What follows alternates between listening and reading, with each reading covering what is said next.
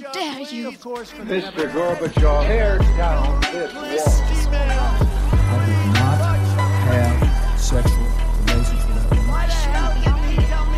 Read my lips. Hell yes, we're gonna take your AR-15. It's your waiting AK. I have a dream. Thank you. I dag, Harald, nå, nå, eh, nå eh, Dette blir godsaker.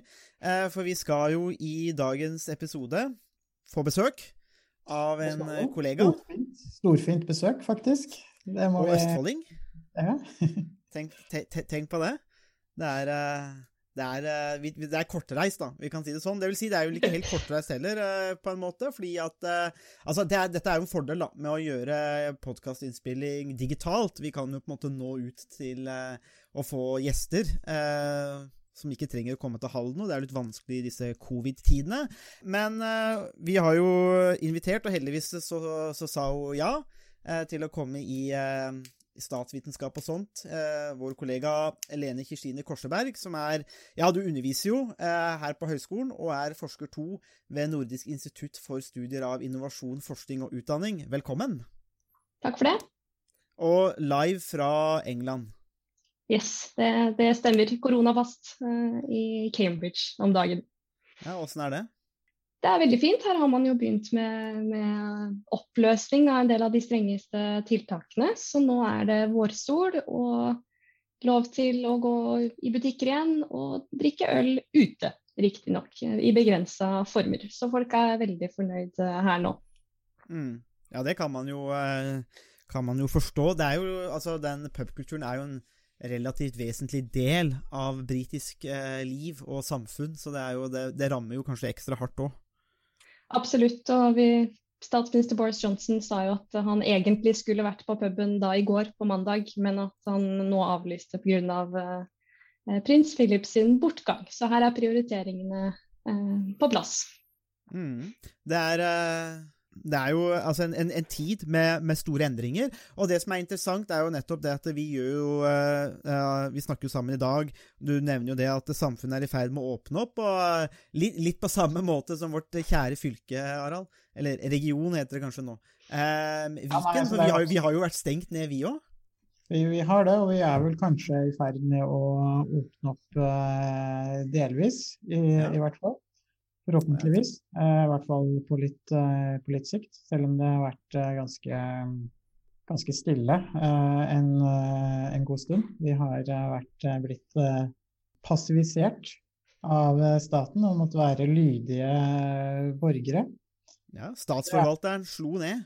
Og ja, da hadde vi ikke noe valg. Egentlig, det er jo egentlig noe av det vi skal snakke om litt i, i dag også. For Lenes ja. um, doktorgradsarbeid handler jo egentlig om noen av de mest Egentlig så er det jo kanskje et av de mest grunnleggende spørsmålene for et samfunn. Og et av de aller mest grunnleggende spørsmålene innenfor politisk filosofi og demokratiteori.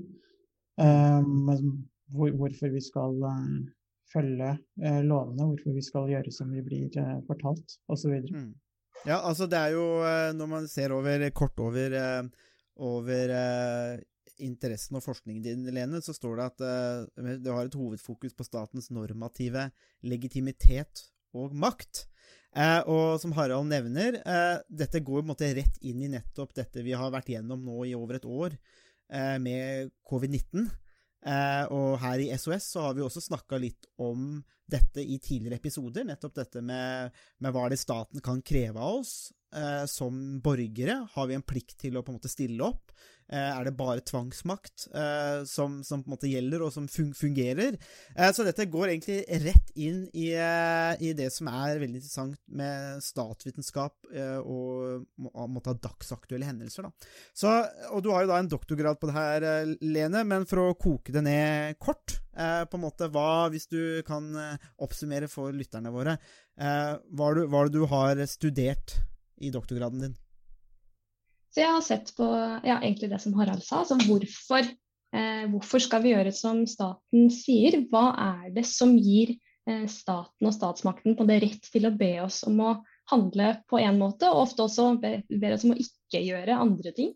Eh, og da kommer jo spørsmålet opp, da. Hva er det som gjør staten spesiell? eh, knytta til det. Altså vi, vi, velger å ikke forholde oss til eh, en kriminell raner som kommer og ber oss om lommeboka vår, men vi er relativt fornøyd med å betale skatter og gi fra oss eh, eiendommen vår på den måten. Så jeg har sett litt på hva er det som gjør staten spesiell, hva er det som gjør staten legitim? Dvs. Si, hva er det som gjør at staten får lov til å vedta lover som gjelder for alle, og kanskje viktigst også, hva er det som gjør at staten har lov til å håndheve dem ved bruk av da makt, både trusler om tvangsmakt, men også ofte eh, faktisk bruk av, av tvangsmakt. Mm. Ja, for staten er jo, altså, det er jo en, av mange mulige måter å organisere seg politisk på, eh, og det er jo ofte det vi, det jo det vi ofte kaller en sosial konstruksjon. Men hva er det som gjør staten som, og, ofte tar vi det for gitt. altså De fleste går rundt i Norge i dag og tenker jo ikke så veldig mye på at vi lever i en stat, og tenker liksom hvordan er det dette byg, er bygd opp, og hvordan er det det henger sammen. Eh, men eh, i det du har studert, hva er det som måtte gjøre staten eh, Som gjør at, for, at staten er forskjellig fra disse ranerne? Så det som i hvert fall eh, forskningslitteraturen har, eh, har, pleid å se på, er jo nettopp det at eh, dersom staten har disse rettighetene, har rett til å stå i en eh, spesiell posisjon til oss, så er det fordi at du og jeg eh, står i et moralsk forhold til staten. At vi, vi, er moralsk pliktig til å gjøre som staten sier. Eh, og Det kan være ulike grunner til det. Det kan være at vi f.eks. har gitt vårt samtykke. Det er jo klassisk eh, sosial kontraktsteori, og også det som ligger grunnlaget for demokratiteorien vi har nå.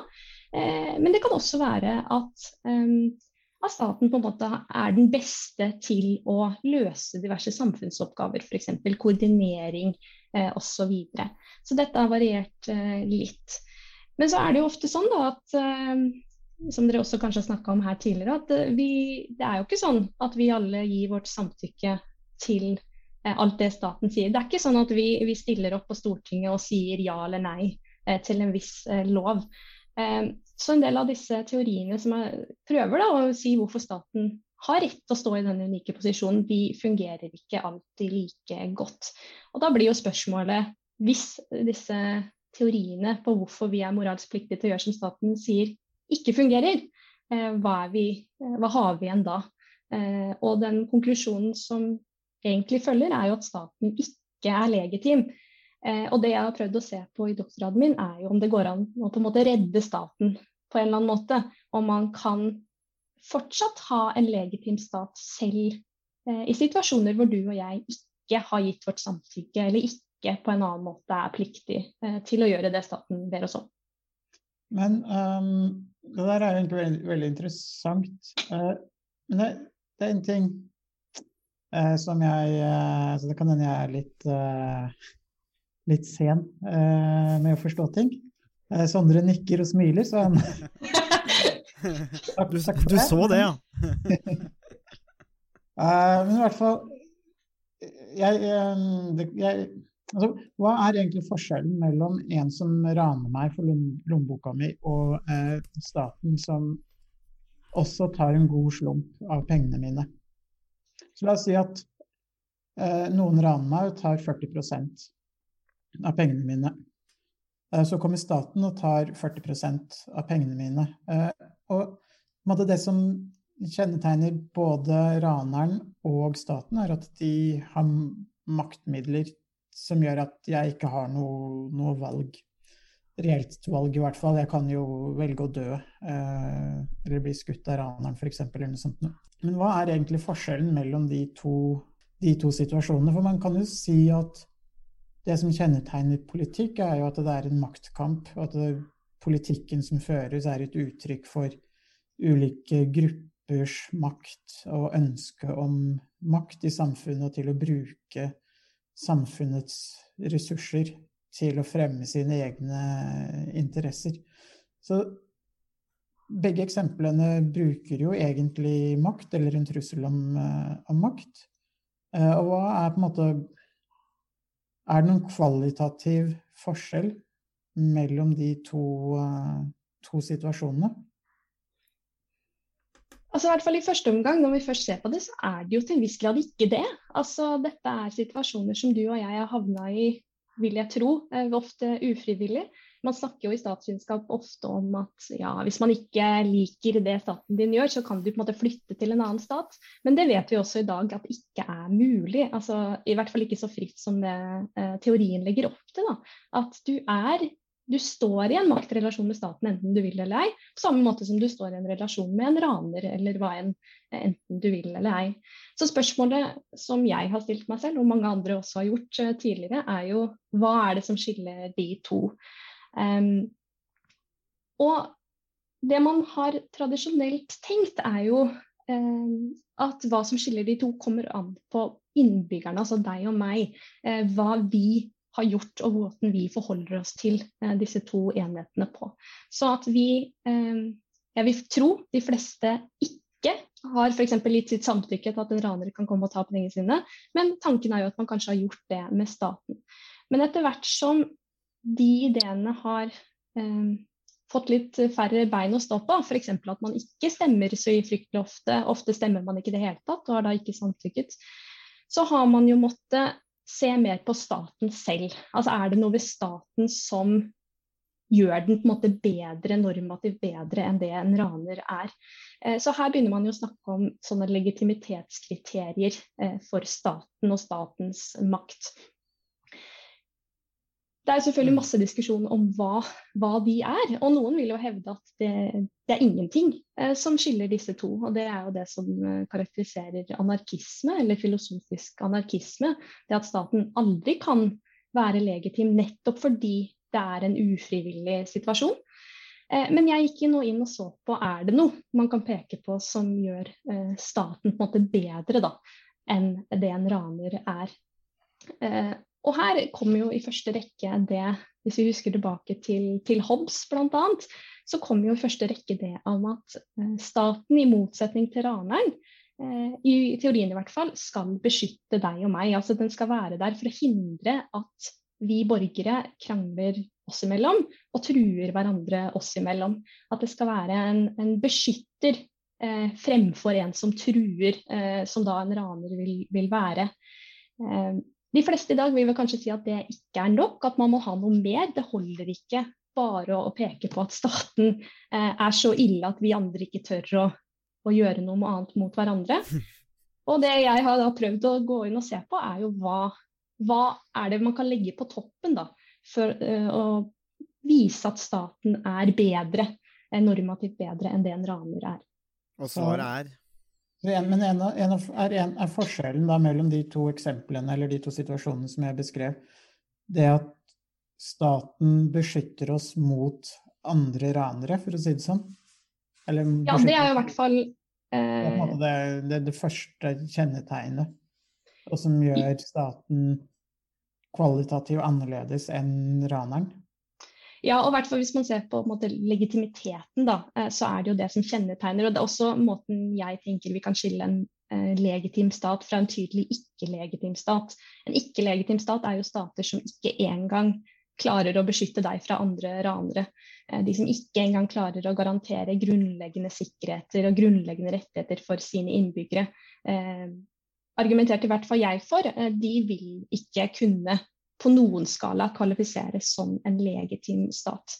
Um, men så er det jo spørsmålet da om, om bare fordi en stat eh, klarer å garantere den grunnleggende sikkerheten til innbyggerne sine, er den god nok?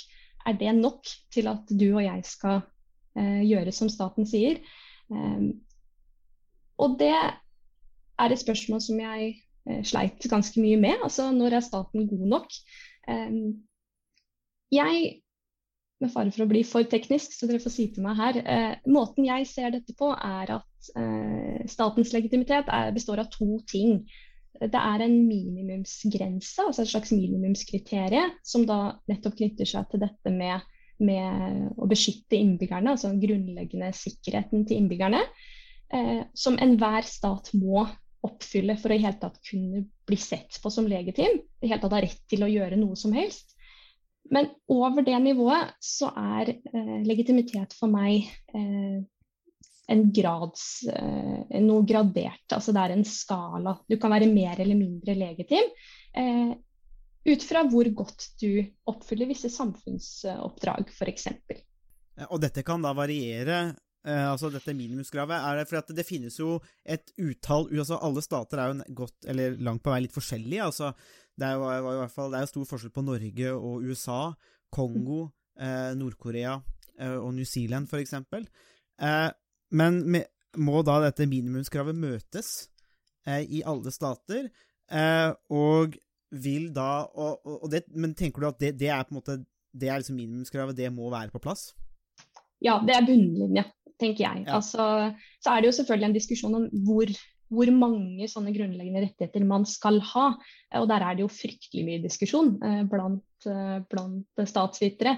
Eh, de fleste vil jo si at det f.eks. innebærer at du har rett til liv, eh, rett til eh, grunnleggende fysisk sikkerhet, eh, til en viss grad rett til type mat og andre ting du trenger for å overleve. Men så kommer det jo andre retter etter igjen, altså sånn rett til helsehjelp f.eks., som er mer eh, kontroversielt. Eh, jeg la meg med, kanskje mer på den restriktive linja, altså de, de mest grunnleggende, altså sånn fysisk sikkerhetsrettigheter var det jeg la til grunn. Eh, men der er jeg for så vidt åpen for at, at det minimumskravet kan heves eh, i visse tilfeller. Um, Mm. Men det er jo nettopp der denne mer graderte vurderingen kommer inn. da. At bare fordi du oppfyller minimumskravet, så betyr ikke det at du er legitim. Du er bare på skalaen hvor du da kan være mer eller mindre legitim. F.eks. etter hvert som du møter disse mer, eh, mer sosiale og politiske rettighetene. Mm. Men um, Hobbes sier jo uh, at vi på en måte bør velge å bo i en, uh, en stat fordi vi får en, en grunnleggende beskyttelse. Og det er på en måte kriteriet. Så han er, han er jo på en måte den naturtilstanden som han beskriver på en veldig negativ eh, måte, og kanskje litt ekstremt. Men samtidig så, så er det det at det ikke finnes noen som kan, eh, kan, kan beskytte oss i, i naturtilstanden, mens i som skal kalle det samfunnstilstanden eller i, et, uh, i en stat, så, så er det en viss form for uh, helt sånn grunnleggende beskyttelse. Og er, er, er, det, er det det som er minimumskravet? At er det på en måte det, det valget man står ovenfor? Ja og nei. Eh, ja, fordi eh, jeg tenker det er hele rasjonaliteten til staten, og til en viss grad fortsatt det. Det er ikke bare i Hobbes. Altså, vi ser til staten for å møte tjenester som du og jeg ikke klarer å tilby oss selv. Altså som må, som må tas av noe eh, mer, Kall det eh, på en måte overnasjonalt på vegne av samfunnet som helhet. Vi må ha en koordineringsrolle der. Det tror jeg vi, de fleste av oss anerkjenner. Så er det jo selvfølgelig diskusjon om hvor, hvor stor den koordineringsrollen skal være. Men jeg tror også det er et poeng nå at det er nå engang staten vi har. Eh, Det er staten som er vår organisasjonsform, enten vi liker det eller ei. Og da tenker jeg at alternativet er på en måte ikke stat eller ikke stat. Alternativet er en bedre stat versus en dårligere stat. I hvert fall sånn verden ser ut nå. Og da eh, kan man jo kanskje tenke at dette veldig grunnleggende på det måte Hobbes-fokuserte behovet for fysisk beskyttelse er litt utdatert. Men samtidig så ser vi jo at stater i dag faktisk ikke møter det minimumskravet. At de ikke klarer å beskytte innbyggerne sine grunnleggende fysiske sikkerhet. Så jeg tenker det er viktig at det fortsatt er der nå. Selv Ja. i dag. Eh, veldig interessant. Jeg har et, eh, et spørsmål. Hvis vi ser på eh, Hvis vi tar to eksempler, eller to stater. Eh, Kina er en autoritær stat altså på de aller fleste områder, men det er en stat som i ganske stor grad likevel kan måte, dekke de, de grunnleggende beskyttelsesbehovene som de fleste, som de fleste borgerne har. Eh, India eh, er en demokratisk stat, eh, men har kanskje større problemer i noen sammenhenger med å dekke noen av de grunnleggende beskyttelsesbehovene. Og det er spørsmålet hvilke, hvilken av de to statene er mest legitim eller har den største, størst krav på at vi skal følge lovene? Det er et veldig godt spørsmål. Og bare si først at, at jeg mener nå at eh, den beskyttelsen av grunnleggende rettigheter må gjelde for alle eh, borgerne. Så det holder på en måte ikke å ta at du dekker den på 80% av innbyggerne dine, ofte da på bekostning av de resterende 20 eh, Så her kan man jo også nå stille spørsmålstegn til en viss grad ved, ved Kina. Men dersom, la oss nå anta da at Kina hadde hadde garantert grunnleggende sikkerhet for hele sin befolkning, mens da, samtidig som det var autoritært, mens da India ikke gjør det, samtidig som de er et demokratisk land.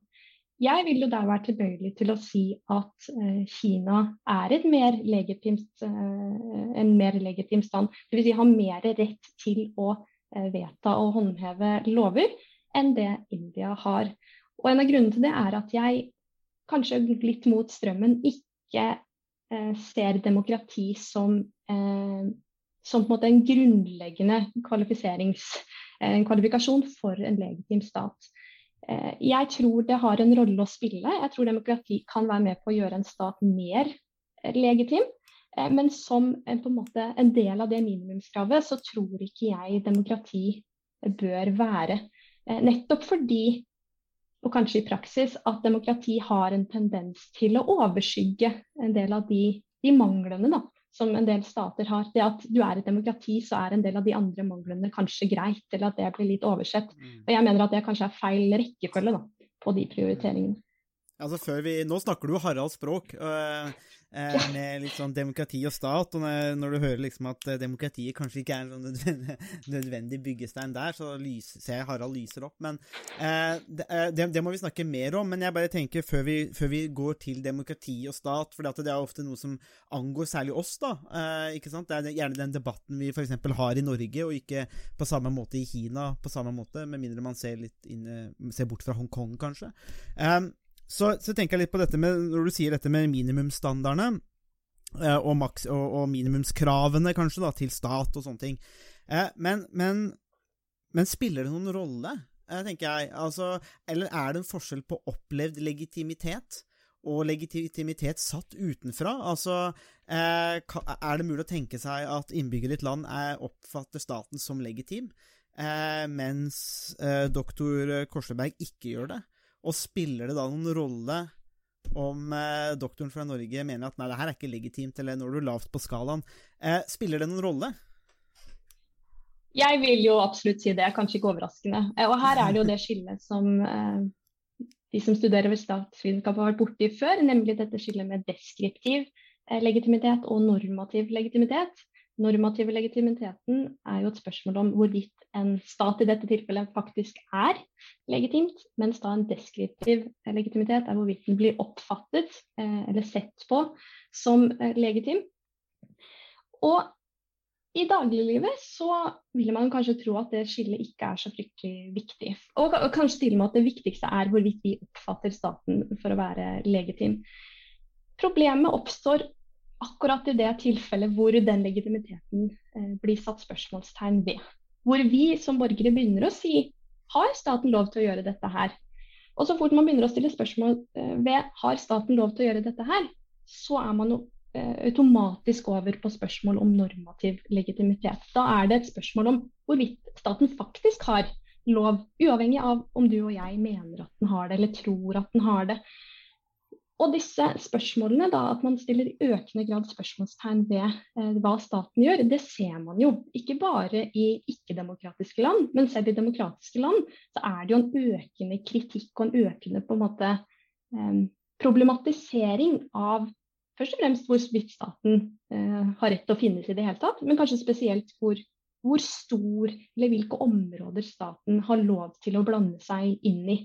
Eh, og så fint man har sånne type spørsmål, så er det verdt å ha eh, tenker jeg i hvert fall at noen har sett på hvilke kriterier som må legge til grunn for å gjøre da den vurderingen eh, om hvorvidt staten er legitim, faktisk, heller bare enn mm. eh, hvordan vi oppfatter den som. Um, jeg har et Jeg beklager at jeg kommer med alle de eksemplene hele tiden, men jeg har et eksempel til. Um, om, hva med Irak eh, før og etter eh, Saddam Hussein? Altså før eh, Under Saddam Hussein så så var eh, staten i stand til å dekke en del av de grunnleggende beskyttelsesbehovene.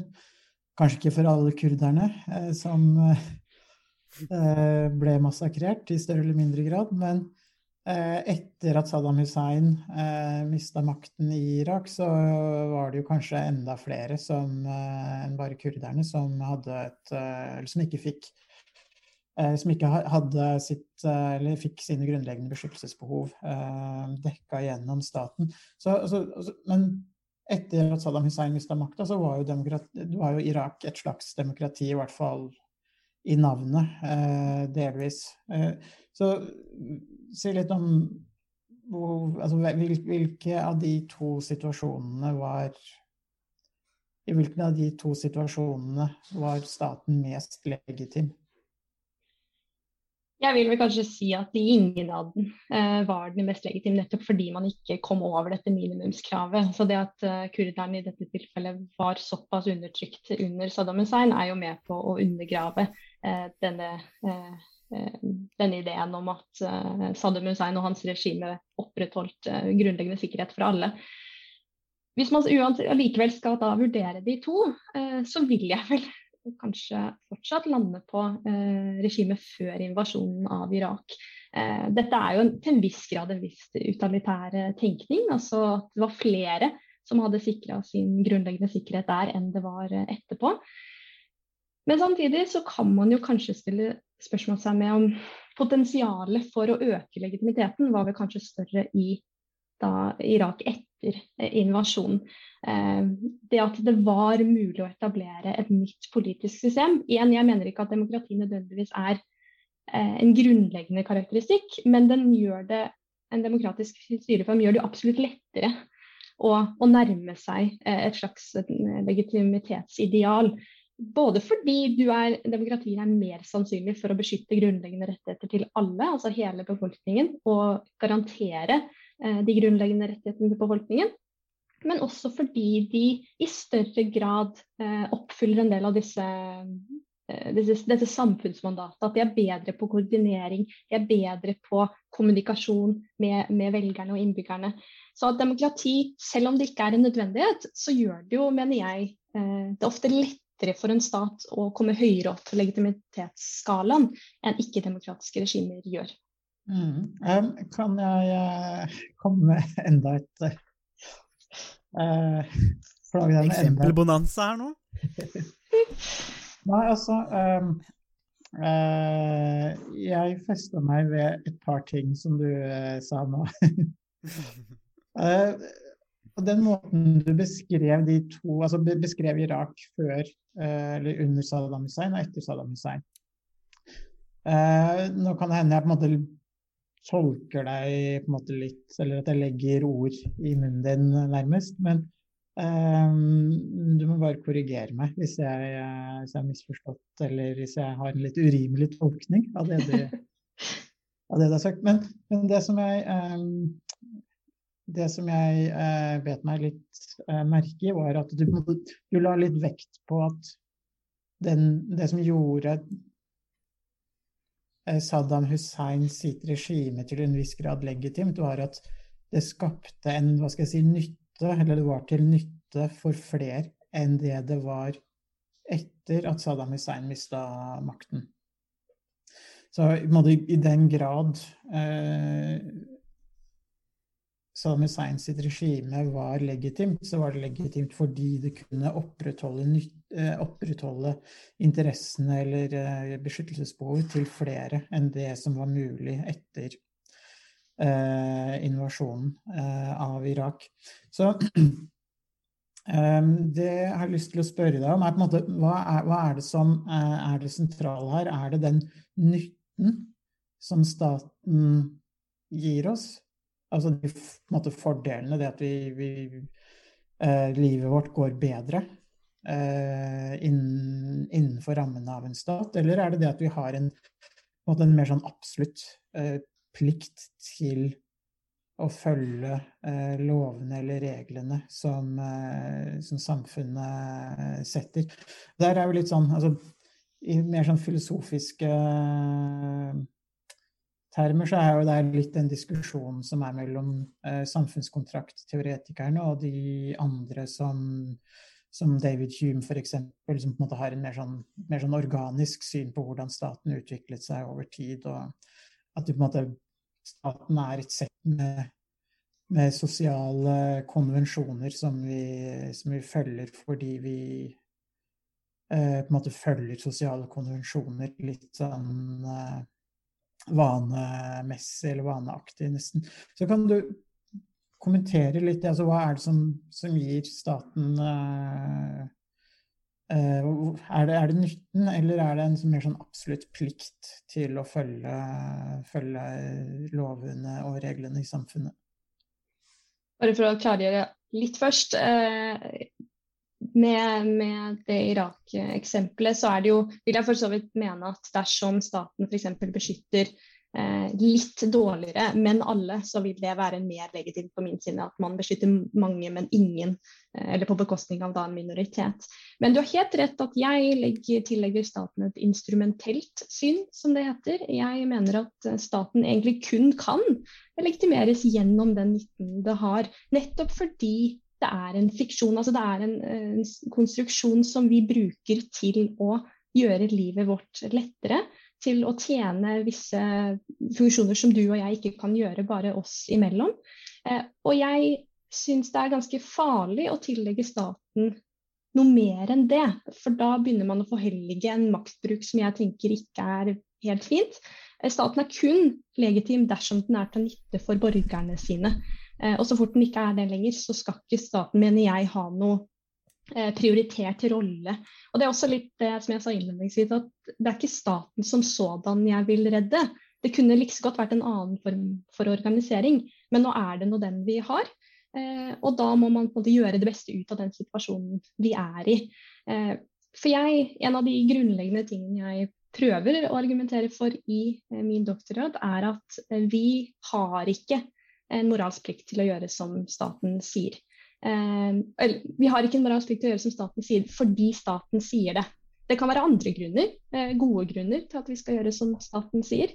Eh, F.eks. at livet vårt blir lettere dersom eh, vi vet at alle kjører på den samme siden av veien. Så hindrer du og jeg fra å krasje. Det er en god grunn til å følge eh, loven. Men den ideen om at du og jeg har en plikt til å gjøre som staten sier, kun fordi staten sier det, den syns jeg er litt uh, farlig. Uh, og det må begrunnes, ikke bare tas for gitt. Og jeg mener jo at vi så langt i hvert fall ikke har kommet opp med en god nok grunn uh, på hvorfor denne generelle og ofte også universale plikten skal være der. Og hvorfor det er noe å tilstrebe. dersom vi ikke trenger det for å kunne da forklare hvorfor staten har rett til å gjøre ting. Der, der, men det er, der, der, der opp... Jeg snakker altfor mye, men Nei, gå, gå først, Sondre. Jeg Nei, jeg bare tenkte jeg skulle Ja, eh, Thomas, her får du kutte. Eh, det er eh, Jeg tenker litt på det med, med Irak. altså Bare for, for, å gjøre ferdig den tankerekka med Irak, så er det nettopp det at det du sier med den fiksjonen og så er det nettopp litt, litt, sånn som George Santayana skriver om, altså dette med supreme fiction. Altså det er en fiksjon som vi vet er en fiksjon, men vi velger å tro på det. Og jeg tenker kanskje i Irak så har man ikke trodd på det. Altså, det er jo det som er problemet etter 2003. Altså, man har prøvd å selge en fiksjon om en stat, og så er det ingen som eh, Eller svært få som har kjøpt denne ideen om staten, og de, de, de, går da til helt andre maktstrukturer eller former for legitimitet innad i dette området, og så har de bare ikke kjøpt det. og Det er jo det problemet som kanskje er i, i Irak, men også til dels Afghanistan, hvor vi, hvor vi også ser de samme dynamikkene, at folk kjøper ikke fiksjonen om denne staten. Eh, og hva, hvor står man da, ikke sant? Eh, så jeg bare tenkte det var litt sånn fascinerende, eller bare for å avslutte den tankerekka, da, eh, om hvorfor det ikke går så veldig bra. Og så tenker jeg det du sier litt med det normative òg, eller at når staten blir forhelliget, eller ja, forherliget, da, det tenker jeg også er veldig viktig, og det er kanskje der for eksempel sånn som Carl Schmitt mm. og hans tanker om staten som rett hvor dette nettopp ble blanda inn. da, Og da så vi jo på en måte hvor, hvor galt det kan bære av sted i autoritære, totalitære samfunn hvor hvis jeg, hvis jeg da også skjønner riktig, og det, det, er jo kanskje noe du kan svare på, men med, mitt spørsmål til deg nå er jo kanskje også dette at kanskje i et demokrati så er, er man litt, har man litt mer, kanskje litt motstandskraft mot den forherligelsen av staten, mens i det totalitære, fascistiske, så er det nettopp det som skjer, da. Og da blir staten rett. Eh, jeg vet ikke hva du tenker om det? Nei, Absolutt. Og jeg tenker bare for å bruke eksempelet med Irak, men også for så vidt Afghanistan, så er det jo nettopp det at jeg tror staten og de som også måte, jobber og representerer staten, har en idé om at staten blir mer effektiv dersom vi ser på den som et gode i seg selv. Altså Dersom vi vurderer at staten bør finnes fordi staten er bra, eh, i noe som er verdt å bevare i seg sjøl. Og det mener, er jeg veldig veldig imot, eh, som dere kanskje har skjønt. Altså, staten for meg er kun der for å tjene oss. Den har ikke en egen eh, hensikt eller på en, måte, en egen rett til å leve. Og jeg tenker i ofte i stater, eh, i, altså failed states, stater som ikke går så bra, eh, så er det jo enten at man har prøvd å på en måte skape den forsyningen man ikke har fått det til, men også hvor staten ofte står i motsats til andre enheter som kanskje har den rollen, om det er stammesamfunn eller altså lokalsamfunn, hvor, hvor, som har tatt på seg den rollen om noe som er godt i seg selv. Og at konflikten ofte oppstår når de politiske elitene ønsker at staten skal ta over den rollen. Um, og det mener jeg Det gjelder jo både ikke-demokratiske regimer, men jeg tenker også i demokratiske regimer så skal man være forsiktig med å tillegge staten en egen verdi. Uh, for da er man, tenker jeg, fort på vei mot, uh, mot, det man så i fascistiske regimer, hvor staten blir uh, noe godt i seg selv, og da nesten som resultat du og jeg som borgere ikke er det. Eh, så jeg har en ekstremt instrumentell eh, syn på staten, og jeg tenker vi skal være forsiktige med å, å, tillegge den mer enn det. Eh, nettopp fordi det er en fiksjon, og en fiksjon som kan brukes da, av folk som har andre ambisjoner for å fremme en viss politisk agenda. Men eh, mange politikere, både i Norge og andre land, de snakker ofte om en, eh, en ny samfunnskontrakt mellom Eh, politikerne eller staten på den ene siden og borgerne på den andre siden. Og de må argumentere for at nå må vi måtte, gjøre noen endringer. Eh, og vi må skape en ny kontrakt som måtte, forplikter oss eh, alle sammen. Hva, hva, tenker du om den type retorikk og den type Å snakke om staten som altså, i, Eller at politikerne bruker det begrepet, som sånn, en kontrakt mellom borgerne og, eh, og staten. Hva, hva, tenker du om uh, å argumentere på den, den, måten?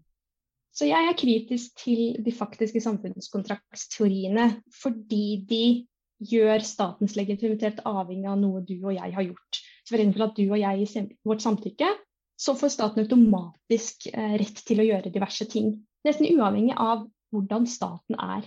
Eh, så i teorien, hvis man setter det litt på spissen, så kan jo du og jeg samtykke til å være bundet av en fascistisk regime, f.eks. Og det så man jo til en viss grad eh, under andre verdenskrig, f.eks. i Tyskland. Det var populær oppslutning, og da kan man jo snakke om her har man kanskje gitt sitt samtykke eh, til en samfunnskontrakt som jeg tror de fleste, i hvert fall i dag, vil si at ikke var legitim. Så jeg er kritisk til samfunnskontraktsidéene. Det jeg ikke er så kritisk til, er man, dersom man snur den på hodet. Så dersom man sier at staten må måtte fortjene vår, vår, uh, vår, avtale, altså vår signatur da, uh, i den kontrakten. Dersom staten uh, det er staten man fokuserer på, ikke så mye hva du og jeg har gjort, men om staten fortjener å Eh, og at vi inngår i en kontrakt med dem. Eh, og det kan f.eks. være ved at ja, eh, den er demokratisk, at den gjør en bra jobb, at den tilbyr oss tjenester som vi ellers ikke kunne ha skaffa for oss selv. Men denne ideen om at det er vi som er fokus for statens legitimitet, er jeg ganske kritisk til. Fordi det tar fokus bort fra å vurdere hvorvidt denne konkrete staten er bra eller dårlig at det er der kanskje fokuset vårt burde være, på de kvalitetene som staten har eller ikke har, eh, i veldig ofte i noen tilfeller. Og så kan man se da hvorvidt staten fortjener vår lydighet og vår, eh, vår støtte som et annet steg. Eh, mens jeg tror veldig ofte, både blant politikerne, men også i teorien, så har det vært motsatt. Det med at man ofte spiller på nasjonalitetsfølelse, f.eks. At du må komme til sammen fordi Norge trenger deg denne tanken her mener jeg er litt farlig. fordi så fort man sier at ja, du må følge uh, loven fordi Norge trenger deg, så gir jo det nesten en litt sånn der blank check, altså en, en fullmakt til staten til å gjøre hva de mener er, er best. Uh, så her blir dette på ansvarsforholdet litt, litt uh, snudd på hodet, tenker jeg. At fokus bør være på statens egenskaper, og deretter på hvorvidt du og jeg bør da gjøre som staten sier, som en konsekvens av det. Heller enn at eh, du og jeg samtykker, og så står staten fritt til å gjøre hva enn den vil. Mm. Eh, Jeg tenker Det er jo kanskje et, eh, en grei inngang til litt dette covid-19-spørsmålet. Eh, som, som har bratt dekket inn. For vi blir jo bedt om der å gjøre Altså, eh, man snakker jo om enorme inngripener i, i vår hverdag, og folk har jo brent munnbind. Eh, ikke sant? Eh, Charter-Svein leda jo vei der, eh, i et sånt populistisk opprør mot staten. Men, eh, men, men litt mer har blitt, det, har blitt, det har vært mye snakk om inngrep. Altså i, i folks privatliv osv. I Norge har man også diskutert denne altså portforbud, altså lov der. Altså, man har liksom hatt en veldig aktiv debatt da, om, om statens rolle, statens makt, eh, monopol på tvangsmakt her, inngripen. Um, Covid-19, åssen har det Hvordan, i, i din vurdering, da, eh, påvirk, har, dette påvirket eh, det, de, altså det du har sett på om nettopp dette med normativitet og statens legitimitet? Det var veldig interessant, fordi covid-19 kom når jeg var på slutten av mitt eh, doktorgradsarbeid. Jeg trodde jeg hadde tenkt på ut alt, og alt var eh, fint. Og så kommer det da en global pandemi som eh, i større grad egentlig enn noen gang, i hvert fall for de fleste av oss, eh, inngriper og ber oss gjøre ting. Og det som kanskje var litt unikt med den situasjonen her, var jo at eh, vi ble bedt om å ta det staten sa litt for god fisk. Altså Vi har ikke kapasitet til å sette oss inn i helsefaglige råd. Vi vet ikke hva som er den beste medisinske eh, måten å gå, altså bekjempe en pandemi på. Så her var det veldig sånn at staten sa at dette må du gjøre, og du må gjøre det fordi jeg sier det. Staten her er da jeg. Og det var jo et problem for meg, fordi jeg mener jo at vi ikke har en moralsk plikt til å gjøre som staten sier, selv om staten er legitim, selv om staten har rett til å vedta og håndheve lover. Så jeg måtte jo prøve å finne ut av hvordan dette passer inn i, i min, min, argumentasjon. Og jeg tror det jeg kom frem til, er at det er veldig viktig å skille Når vi snakker om hva vi er moralsk pliktige til å gjøre, så er det ganske viktig å skille mellom hvem den, disse pliktene retter seg mot. Fordi Tanken bak tradisjonell legitimitetsteori er jo at vi har en plikt til staten. Altså at vi står i et moralsk forhold direkte med staten. Mens jeg tenker at måten man kanskje bør forstå koronapandemien på, er at eh, dette moralske forholdet med staten, det eh, står ved. Altså, vi har fortsatt ingen plikt til å gjøre som staten sier, men det kan være at vi har en plikt til å følge innholdet i loven fordi vi har plikter til andre. F.eks. våre medborgere, til naboen vår, til eldre foreldre, hva enn det skulle være. Og at man kan skille mellom loven som lov, og at du har en plikt til å gjøre noe fordi det har form som lovverk, og innholdet i en lov. At du kan ha en moralsk plikt til å følge innholdet i en konkret lov, selv om du ikke har en plikt til å følge loven som sådan.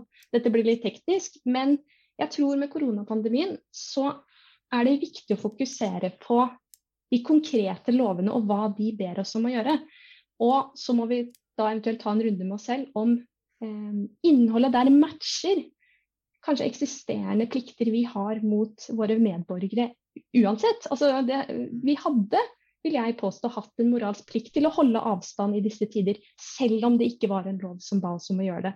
Vi hadde hatt en plikt til å holde oss hjemme dersom vi hadde symptomer, selv om det ikke var en plikt til å, å gjøre det. Så jeg tror her, her, her, ser vi at det er en overlapp mellom en måte, egne moralske plikter som vi har mot våre medborgere og medmennesker, for så vidt. Det går jo på tvers av nasjonalitetet her. Og da det som tilfeldigvis er innholdet i loven. Eh, så at vi her står i to moralske forhold. Ett mot staten, som ikke er prega av en sånn plikt til å gjøre hva staten sier, og ett da mot våre medborgere. Eh, som vi da i større grad nå har kanskje blitt trigga mer enn før. Jeg tror ofte så blir man ikke konfrontert med hvilke, hvilke plikter man har overfor sine medmennesker. Jeg tror det er det her som kanskje har, har slått inn, at våre handlinger får så, eller kan få så store konsekvenser for de eh, rundt oss. Men øh, betyr det at det er en forskjell på øh, moralske plikter og politiske plikter? Ja, vil jeg si i hvert fall. Eh, politiske plikter er jo eh, plikter Dette er jo ganske kontroversielt, så det kan være dere uenige her. Men det er jo plikter som er eh, laget av lovverket eh, i veldig stor grad. Igjen, de kan jo matche eh, f.eks. rettigheter og plikter vi har uavhengig. Eh, man kan f.eks. si at eh, si ytringsfriheten kan man kanskje dra en sånn type type skille mellom. At det både er en rett som er nedfelt i lovverket, men også kanskje noe vi har eh, fordi vi er mennesker. Og jeg tenker at fordi eh, politiske plikter for meg er noe som er skapt av lovverket, så um, er det også uh, en del av loven. Og man kan kun da eh, si at man har en plikt til å f.eks. respekteres andres uh, forsamlingsmyndighet, f.eks. For kun dersom man kan finne igjen den i grunnleggende moralske rettigheter. Så det at eh, no, en rett eller en plikt er skapt av lovverket, gir den ikke moralsk tyngde, i min eh, mening. Man, man, den tyngden må man finne på en måte utenfor loven, den må man finne uavhengig av staten. Og da er det jo snakk om eh, måte, retter og plikter som vi ville hatt selv om staten ikke var der. Eh, og så fort man begynner å tenke på det, så blir det jo en ganske interessant eh, diskusjon. fordi hva er det vi er pliktig til å gjøre som mennesker, da, heller enn som borgere av en gitt stat. Nå, nå merker jeg at jeg får veldig mange, popper opp veldig mange spørsmål i hodet mitt. uh, hvis jeg bare kan uh, fortsette å plage deg med, uh, med spørsmålene mine. hvorfor finnes det ikke en absolutt plikt til å følge loven? Fordi jeg en, eh, har stor tro på eh, noe av det som måtte defineres som mennesker er vår frihet og rasjonalitet til å handle som vi mener er best. Eh, det skal helst være basert på faktisk overveining og, og rasjonell tenking, men jeg tror at Kall det fra naturtilstandens side eller hva enn man skulle være, så har vi rett til å handle som vi mener er best. Og så fort noen ønsker å frata oss den retten, så må det begrunnes. Og det er jo nettopp det staten gjør. Staten sier at her ønsker du kanskje å handle på den måten, men her får du ikke lov. Og dersom du gjør det, så kan jeg straffe deg ganske inngripende ved enten trusler eller bruk av tvangsmakt. Og denne begrunnelsen, hvorfor har staten, og kun staten egentlig, rett til å på en måte blande seg så fryktelig inn i vår, vår uh, måten vi velger å leve livene våre, jeg tror ikke vi har kommet opp med en god nok grunn, til, i hvert fall til at den retten skal være generell og universell. Staten hevder jo at den har rett til å egentlig bryte inn i stort sett alt, uh, uavhengig av området. Det er jo noen uh, unntak her. altså Grunnleggende menneskerettigheter f.eks. er jo en av de tingene som i hvert fall demokratiske stater uh, har på en måte reservert seg mot å gjøre. Men denne ideen om at staten har på en måte en rett til å bare blande seg uten å måtte gi noe ekstra begrunnelse for det, det syns jeg er litt skummelt. Um, og en del av de tradisjonelle teoriene vi har, f.eks. samtykke, det er teorier som spiller på det som heter fair play, f.eks. At dersom staten og på en måte en rettferdighetssans, altså dersom staten eh, gir oss tjenester, f.eks. helsetjenester, utdanning, så står vi i et slags takknemlighetsforhold til dem. Og da må vi gjøre som den sier fordi vi fikk noe tilbake igjen. Disse teoriene eh, mener ikke jeg er gode nok. Eh, de ikke, har ikke sterk nok moralsk tyngde til å fjerne det faktum at eh, det å gripe inn i våre liv skal være vanskelig. Og du skal måtte begrunne det eh, ordentlig. Og det Tanken da om at man har en, en generell eh, sånn carte blanche rett til det, mener jeg er litt skummelt. Så staten må hele tiden begrunne hvorfor den trenger å gripe inn der. Hvorfor den trenger å gripe inn på helsefeltet, hvorfor den trenger å gripe inn eh, nå i koronapandemien. Å holde på en måte staten litt på tå her, tenker jeg egentlig er ganske fint. Eh, at man, eh, man må begrunne en sånn type inngripen. Og den må være konkret. Den må være for konkrete eh, områder, ikke en sånn generell eh, fullmakt som det staten kanskje eh, har en tendens til å heve at den har. Hva er forskjellen eh, på en som påberoper seg sivil ulydighet eh, og ikke følger en bestemt lov, og en innbruddstyv? Altså, For begge bryter jo på en måte loven. Den ene Og begge på en måte kan jo si at nei, altså innbruddstyven kan jo si at ja, jeg vil ha bobilen til naboen. Eh, og de som påberoper seg sivil ulydighet, kan jo si at vi vil ikke ha vindmøller i, eh, i lokalområdet.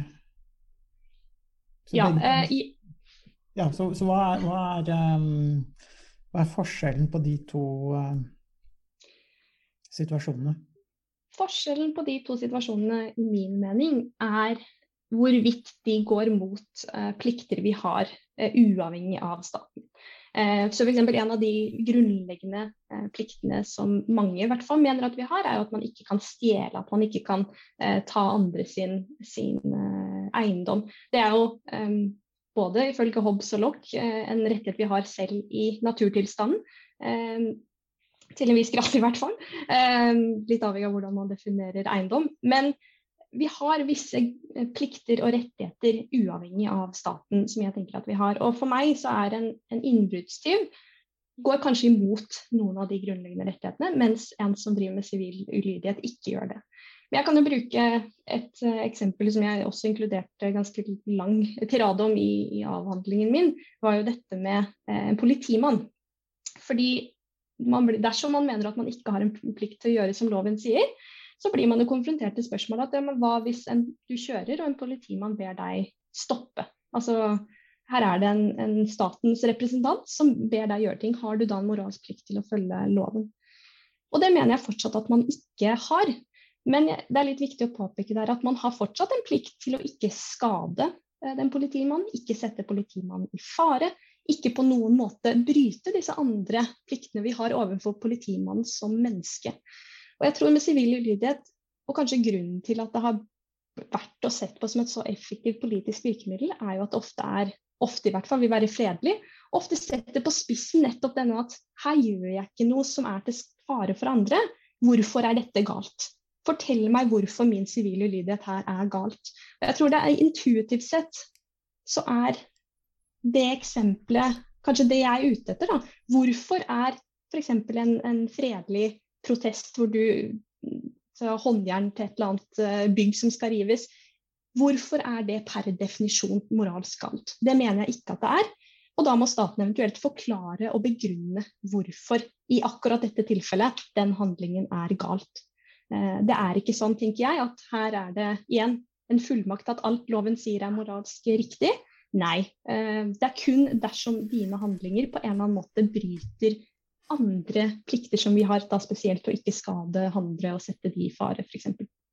Litt moralsk jiu-jitsu, som, det heter i, uh, som det heter i fred- og konfliktstudiene. Det er en veldig, som du sier, det er en veldig effektiv måte uh, å håndtere eller uh, adressere politiske problemer på, eller konflikter. Så det er en veldig velkjent taktikk da, for å oppnå disse, disse endringene. Og jeg tenker litt der, Bare det du nevnte også, fra min egen forskning, altså på terrorisme og sikkerhet, så er jo nettopp Og det er jo noe som har irritert meg til den store gullmedalje, og jeg har jo vært ute etter flere av Norges justisministre fra den, for, den sittende regjeringen, eller med det partiet som gikk ut, da, eh, hvor man jeg tror ikke helt har forstått de nyansene som du eh, kommer fram med. Og det som var problemet der, var jo nettopp det at når det kommer til spørsmål om terrorisme og bekjempelse av terrorisme, så blir vi veldig ofte bedt om å gjøre som staten sier, fordi det er staten sier det, eh, og at de har, en, vi har en plikt til å gjøre det, og så, og så går de til argumentet om sikkerhet. Og det dreper på en måte all rasjonell diskusjon.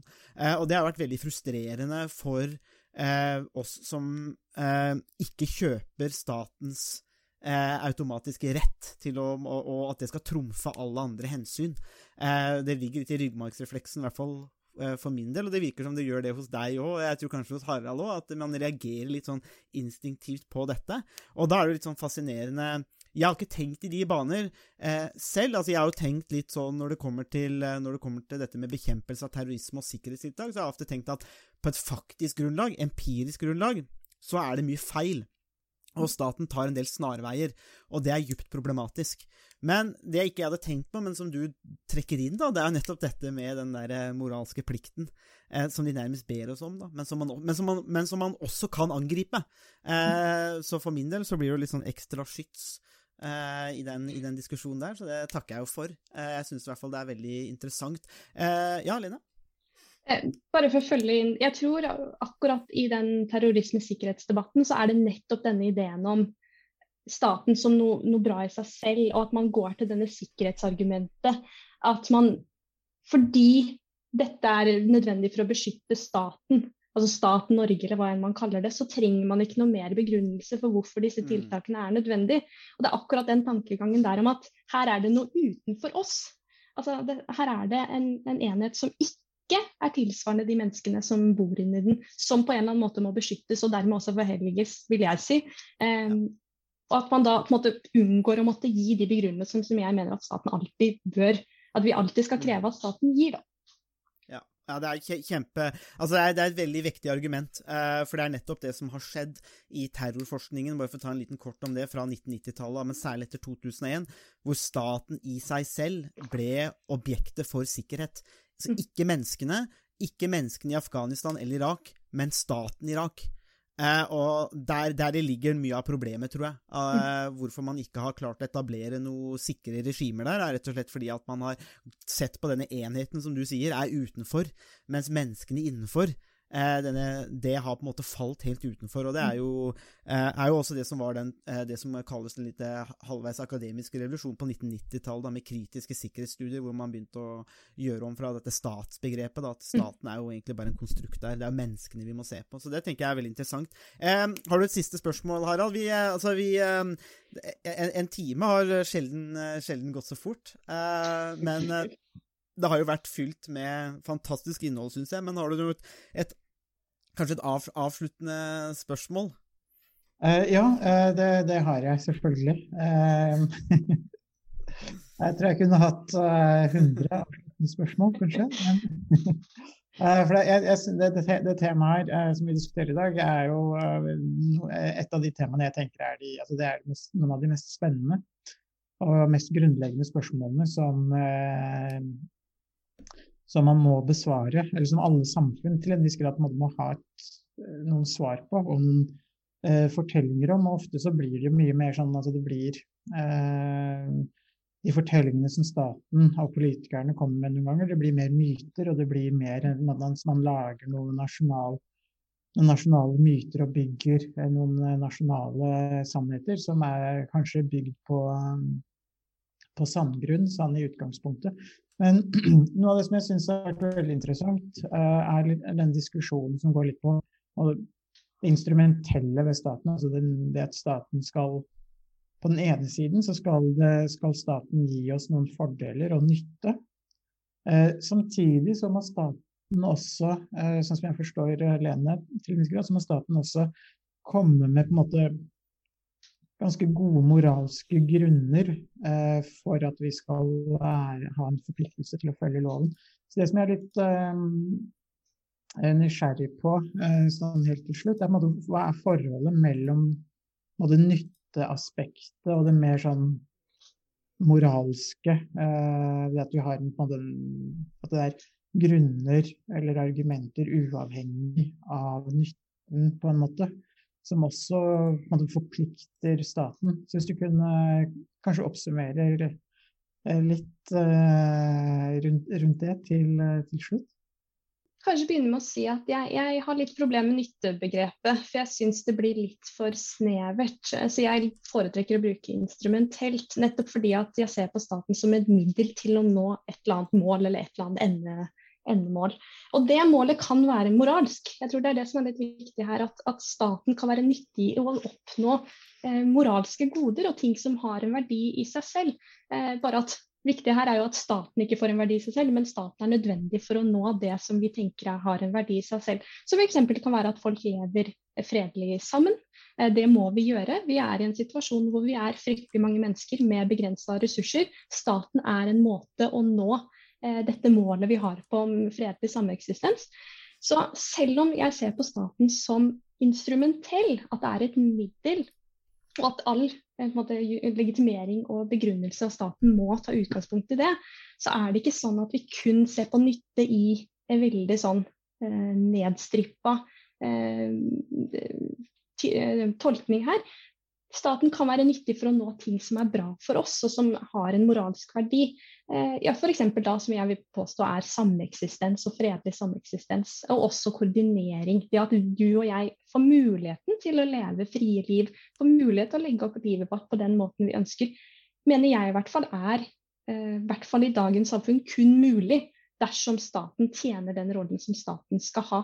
Eh, så jeg er veldig, selv om jeg er kritisk til måten staten er i dag begrunna og på en måte legitimert på, så er jeg positiv til staten. Fordi jeg genuint mener at vår frihet er bedre ivaretatt dersom man har en sånn type enhet som er der for å tjene nettopp de interessene som, som vi har eh, sammen. Ja, eh, det, var, det, var, jo en time, faktisk. Um, Harald, jeg, jeg, tror, jeg, tror, du satt inne med ganske mange flere spørsmål? Det. Uh, ja, altså jeg tror, uh, jeg tror, jeg kunne stilt spørsmål uh, til morgen tidlig, minst. Det var, bra, var bra ikke Harald satt i panelet når du skulle på, på, på når, Hvis du tar Ja. Ja, for, ja. Ja, da, nei, men det, her er jo veldig spennende spørsmål. Og det her er jo, som, som jeg var inne på, så det her er jo På en måte så er det jo Det er jo på en måte det eneste og viktigste spørsmålet spørsmålet. Det er jo måte der det begynner. Hvis man ikke har gode svar på det spørsmålet her, så, så er jo alt, alle de andre spørsmålene, alle de andre svarene, de, de blir litt meningsløse. Fordi man kan si veldig mye om et demokratisk og rettferdig samfunn. Men hvis man ikke Hvis ikke de, de svarene er bygd på et, et solid fundament, så er de jo ganske, ganske verdiløse. Eh, mm. Så, så jeg syns jo den diskusjonen om legitimitet og som i hvilken grad vi har eh, politiske eller moralske forpliktelser til å følge, eh, følge lovene, er jo, det er jo der vi må, må begynne. Eh, og problemet, som, som Lene også på en måte viste, er jo litt sånn der er jo ikke så lett som det vi ofte tror. For sånn, den litt sånn overforenkla demokratiske historien er jo det at eh, ja, vi får alle stemme. Og det betyr at vi eh, på en måte underskriver og signerer lovene. Eh, og derfor er lovene legitime, og vi må følge lovene. Og det er jo på en måte kanskje en, en en viss, et, et, skjær av legitimitet, men samtidig så blir det jo litt som Platons hulelignelse, hvor, hvor, vi egentlig liksom bare ser skyggene av uh, det som er uh, legitimitet, og det som er uh, det som er det, måte, det reelle grunnlaget også. Jeg tenker Det som er, jeg fant veldig interessant når jeg Man står på en måte litt sånn skille mellom kall det vanlige mennesker, altså familie, venner, altså når man snakker om disse temaene, og da forskningen på den andre siden. fordi blant liksom, den alminnelige borger så tror jeg de fleste tenker at ja, men Norge er jo legitimt. altså Demokrati er på en måte nok da, til å fylle den, den, rollen. Men så fort man går i forskningen, så er jo konklusjonen helt annet. altså Der har man jo gitt opp ideen om at staten er legitim. Der er jo den nå på en måte populære konklusjonen at staten er ikke legitim. Men den har noen måte, roller som kan være fint. så sånn, den, den, tjener visse, visse, hensikter, men den er per definisjon ikke legitim fordi du og jeg ikke har en plikt til å følge loven. Så jeg, faktisk, til å være helt enig, dette er kanskje det viktigste spørsmålet vi kan stille inn for statsvitenskapen, så er det overraskende lite forskning om dagen på det. Litt fordi man har gitt opp, tror jeg. Altså, Man har ikke kommet opp med noen gode svar, og da er det litt følelsen av at er det noe vits å prøve, da? Eh, at det har stått litt, eh, litt, stille, og heller da fokusere på hvordan kan man gjøre det så bra som mulig. Hvordan kan man eh, på en måte jobbe med det man har, uten å faktisk ta den diskusjonen om hva det er som gjør det vi har bra, og hva er det vi har som, det vi har som ikke er bra, og hvorfor det. Eh, den føler jeg at mangler litt. Så her er det på en måte en, en ganske stor avstand da, mellom det jeg tror intuitivt at folk oppfatter, og det som måte, vi har kommet til i forskningen. Da. Mm. Ja, og det var jo derfor jeg ville gjøre det også. Ja, for det, det som er veldig um, spennende, syns jeg, er jo det, det, at man begynner å ta staten for gitt, og man liksom bare sier at man går videre. Uh, så er det jo ofte en fare i at man uh, Det er en del uh, sannheter man tar for gitt, og en del premisser som man som det er god grunn til å stille spørsmålstegn ved, men som man bare aksepterer av mer sånn praktiske og pragmatiske grunner. fordi at ja, vi må jo ta beslutninger, vi må jo gjøre noe. vi må på en måte... Men samtidig så er jo det også faren ved at man, eh, ved at man baserer seg på et, eh, et korthus eller sandslott som fort kan eh, Som fort kan kan ha ganske dramatiske konsekvenser. Som du var inne på i podkasten også, så er det litt når man snakker om staten som god i seg selv og en, måte, en veldig stor egenverdi, så man jo, kan man jo også komme veldig eh, raskt til den konklusjonen om at man eh, må beskytte staten fordi, den, fordi det er staten. Eh, og det kan jo også i, i ekstreme tilfeller, som i Italia og, og Tyskland, så eh, før og under andre verdenskrig, så, så førte det til at eh, fascistiske og nazistiske regimer hadde en viss grad av eh, oppslutning, fordi de man, man, måtte, man argumenterte for at det var nødvendig, på en måte, nærmest, mm. for å løse samfunnsproblemene også. Mm. Det er altså, jeg snakker jo staten som, som en, en, enhet. altså Jeg personifiserer jo staten i min både prata om her, men også doktorgraden min. Men det er jo fryktelig viktig å huske på at jo, grunnen til at man gjør det, er jo at det er sånn vi har bygd opp det sosiale konstruktet. Altså Vi har bygd opp et sosialt konstrukt som har det man kaller agency, som kan handle på, en måte på vegne av staten. Og det er ikke noe jeg prøver å utfordre i min, min, oppgave, men det er jo fordi vi nettopp har gjort det, så er det også viktig å huske på at det kan lett føre til at man da tillegger den andre egenskaper, altså f.eks. verdi.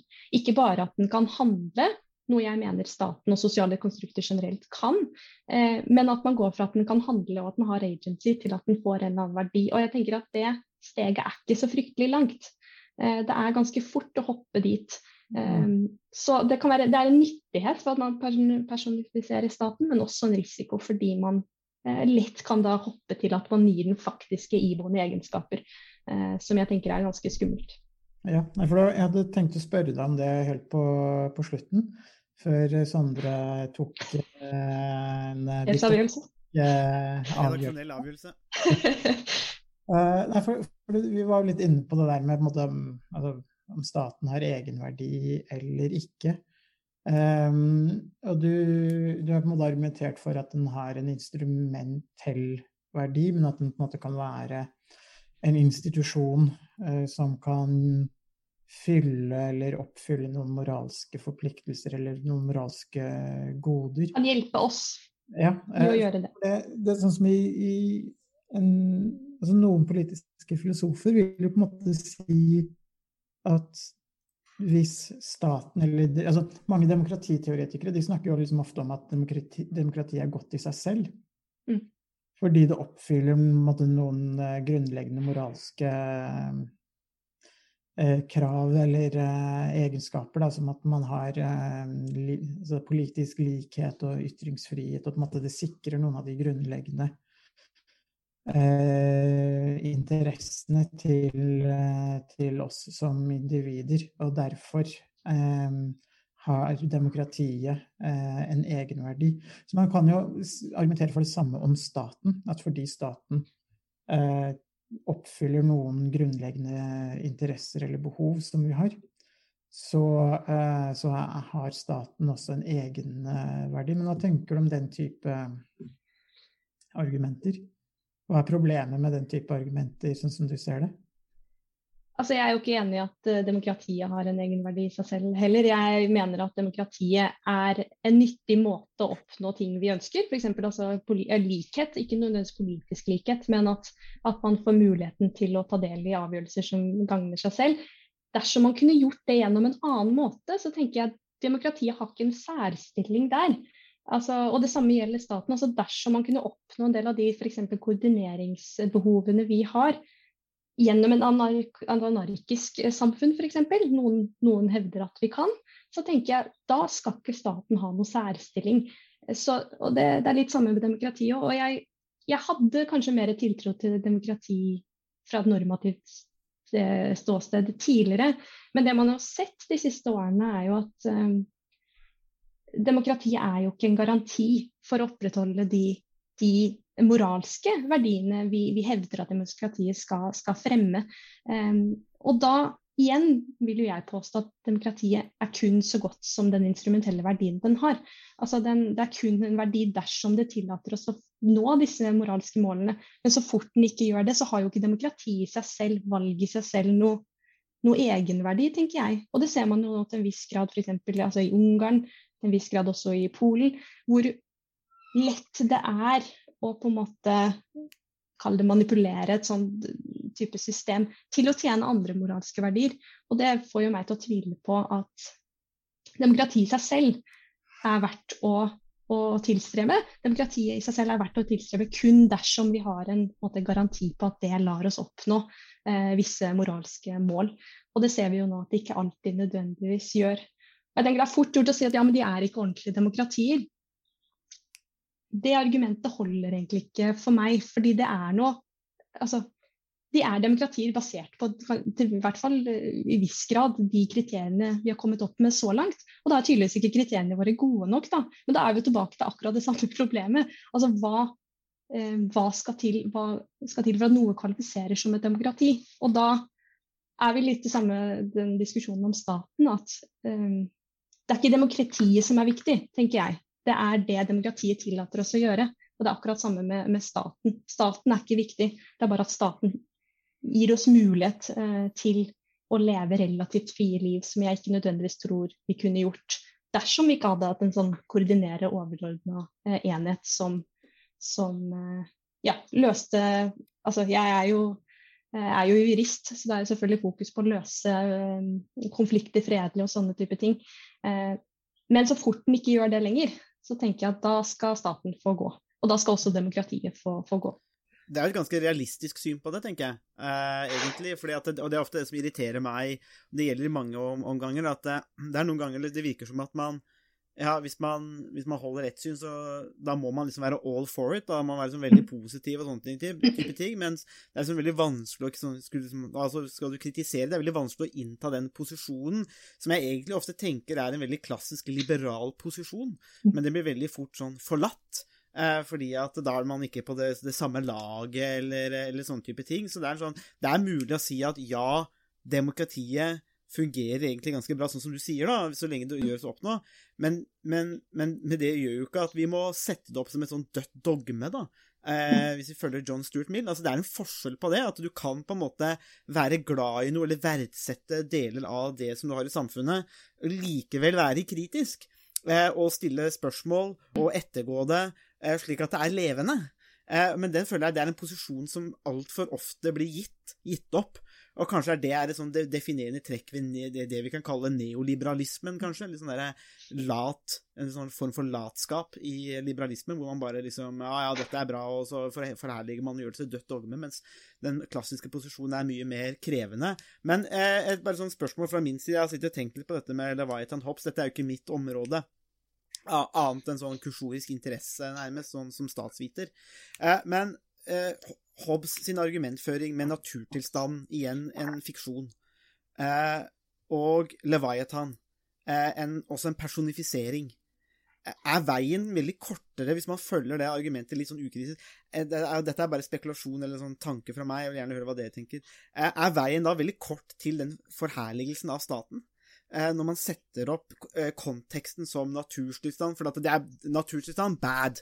ikke sant? Der er det bare død og faenskap. Der finnes det ingen andre løsninger, selv om vi vet jo ikke sant, fra at jakt og samfunn, samler og alt mulig sånn. Det var jo ikke sånn. Men er det, hjelper Hobbes seg sjøl litt? Ved å på en måte, og Hvis man følger den tankerekka, si at uh, naturtilstand bad, uh, Leviathan good. Uh, og da er veien veldig kort, da. Eh, er mitt spørsmål. Er veien veldig kort da til at staten blir en gode i seg selv, eller den Leviathan blir en gode i seg selv, og da kan man ikke kritisere den, eller terskelen heves da for å kritisere den? Det er mitt spørsmål. Uten å, Jeg er ikke ekspert, så jeg bare, jeg bare kaster det fram. Hva tanke jeg satt med. Skal jeg begynne, eller vil du gå her? Gå først, Lene. For jeg har et ganske, ganske klart svar. Eh, jeg i hvert fall sånn jeg tolker Hobbes, og jeg benytter meg ganske mye av Hobbes i min, eh, min avhandling. Eh, Hobbes for meg er også et rent instrumentelt syn på, på staten. Jeg syns ikke han forhelger den i hele tatt. Den jeg derimot syns gjør det, er eh, John Lock. Eh, der tenker jeg at man i større grad nærmer seg en sånn type forhelligelse. Denne, altså, det er jo der med Lock også, for så vidt også Kant etterpå, altså det er der den samfunnskontrakten tar på seg en, ja, en verdi i seg selv. Da. Det er der den blir på en måte forhelliga som noe, noe eget og noe som måtte ha verdi. Eh, mens i Hobbes så er det jo rett og slett altså, hvordan kan jeg mest effektivt overleve? Eh, det er ved denne forferdelige tingen. altså Leviathan er jo beskrevet som en, en forferdelig ting.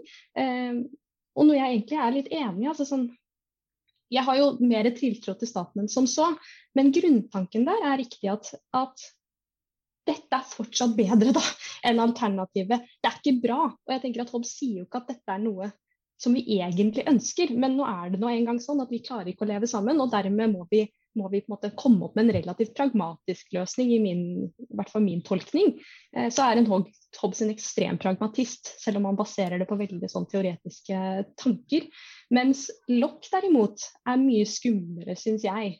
Det at man eh, altså den, det er at man veldig tydelig flytter seg fra måte, naturtilstanden til denne siviltilstanden, og at denne siviltilstanden blir sett på som noe veldig måte, idealmessig, eh, noe veldig bra, da, um, mener jeg er mer skummelt enn det Hobbes sin teori kanskje gjør, og enda mer med, med Kant. Vi bør ikke gå inn på det, men uh, der tar det enda et steg uh, videre, som jeg mener er ganske problematisk. Ja, nei, jeg er helt enig, egentlig. Uh, det Altså Begrepet Leviathan er jo en beskrivelse fra, uh, fra Bibelen på et sjømonster. Eh, så, så Hobbes har jo en ganske ja, I beste fall et realistisk uh, syn på hva staten har. Det, er ikke noe, det her er ikke noe fest uh, i det hele tatt. Uh, det er jo et ganske sånn dystert syn på, på, hva staten, på, hva staten, er, egentlig. men, men Lene, hva tenker du om forskjellen på eller hvordan staten blir sett på hos Hobbes og Hume, f.eks.? Jeg syns det er litt vanskelig å sammenligne dem, nettopp fordi pga. den distinksjonen vi var innom i stad med deskriptivt og normativt. Altså, Hume er jo mye mer fokus på, på hvorvidt vi oppfatter og tror at staten er, er legitim, selv om man selvfølgelig har noen normative eh, grunntanker i bunn.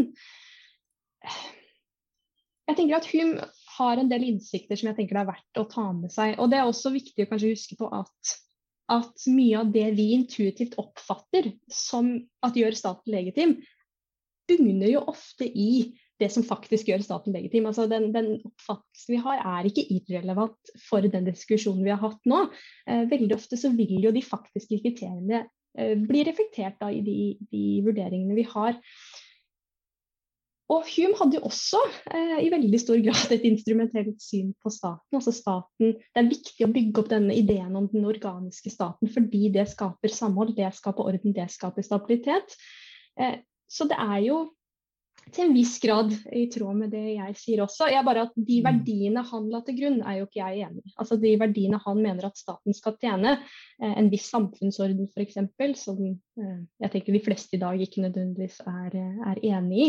Og også selvfølgelig dette at han i veldig stor grad tillegger staten egne egenskaper og en egen verdi. Denne organiske tankegangen jeg mener jeg er veldig problematisk. Så for meg er de ganske forskjellige. Altså, de, er, de er instrumentalister begge to. Men mm. igjen, kanskje Humes er skumlere i den forstand at han har en veldig tydelig politisk agenda og ønsker å måte, bruke staten til å fremme den. Da. Det var det vi hadde å by på i denne ukas episode av Statsvitenskap og sånt. Musikken er komponert av Robin Horvath, og Thomas Cocolato står for miksing og redigering. Du finner oss på Facebook, bare søk på statsvitenskap og sånt. Der kan dere komme i kontakt med oss hvis dere har spørsmål eller kommentarer. Der finner dere også aktuelle artikler, videoer med mer. Vi setter pris på om dere liker sida, og deler den med andre som dere tenker vil ha glede av å høre på podkasten. Vi høres.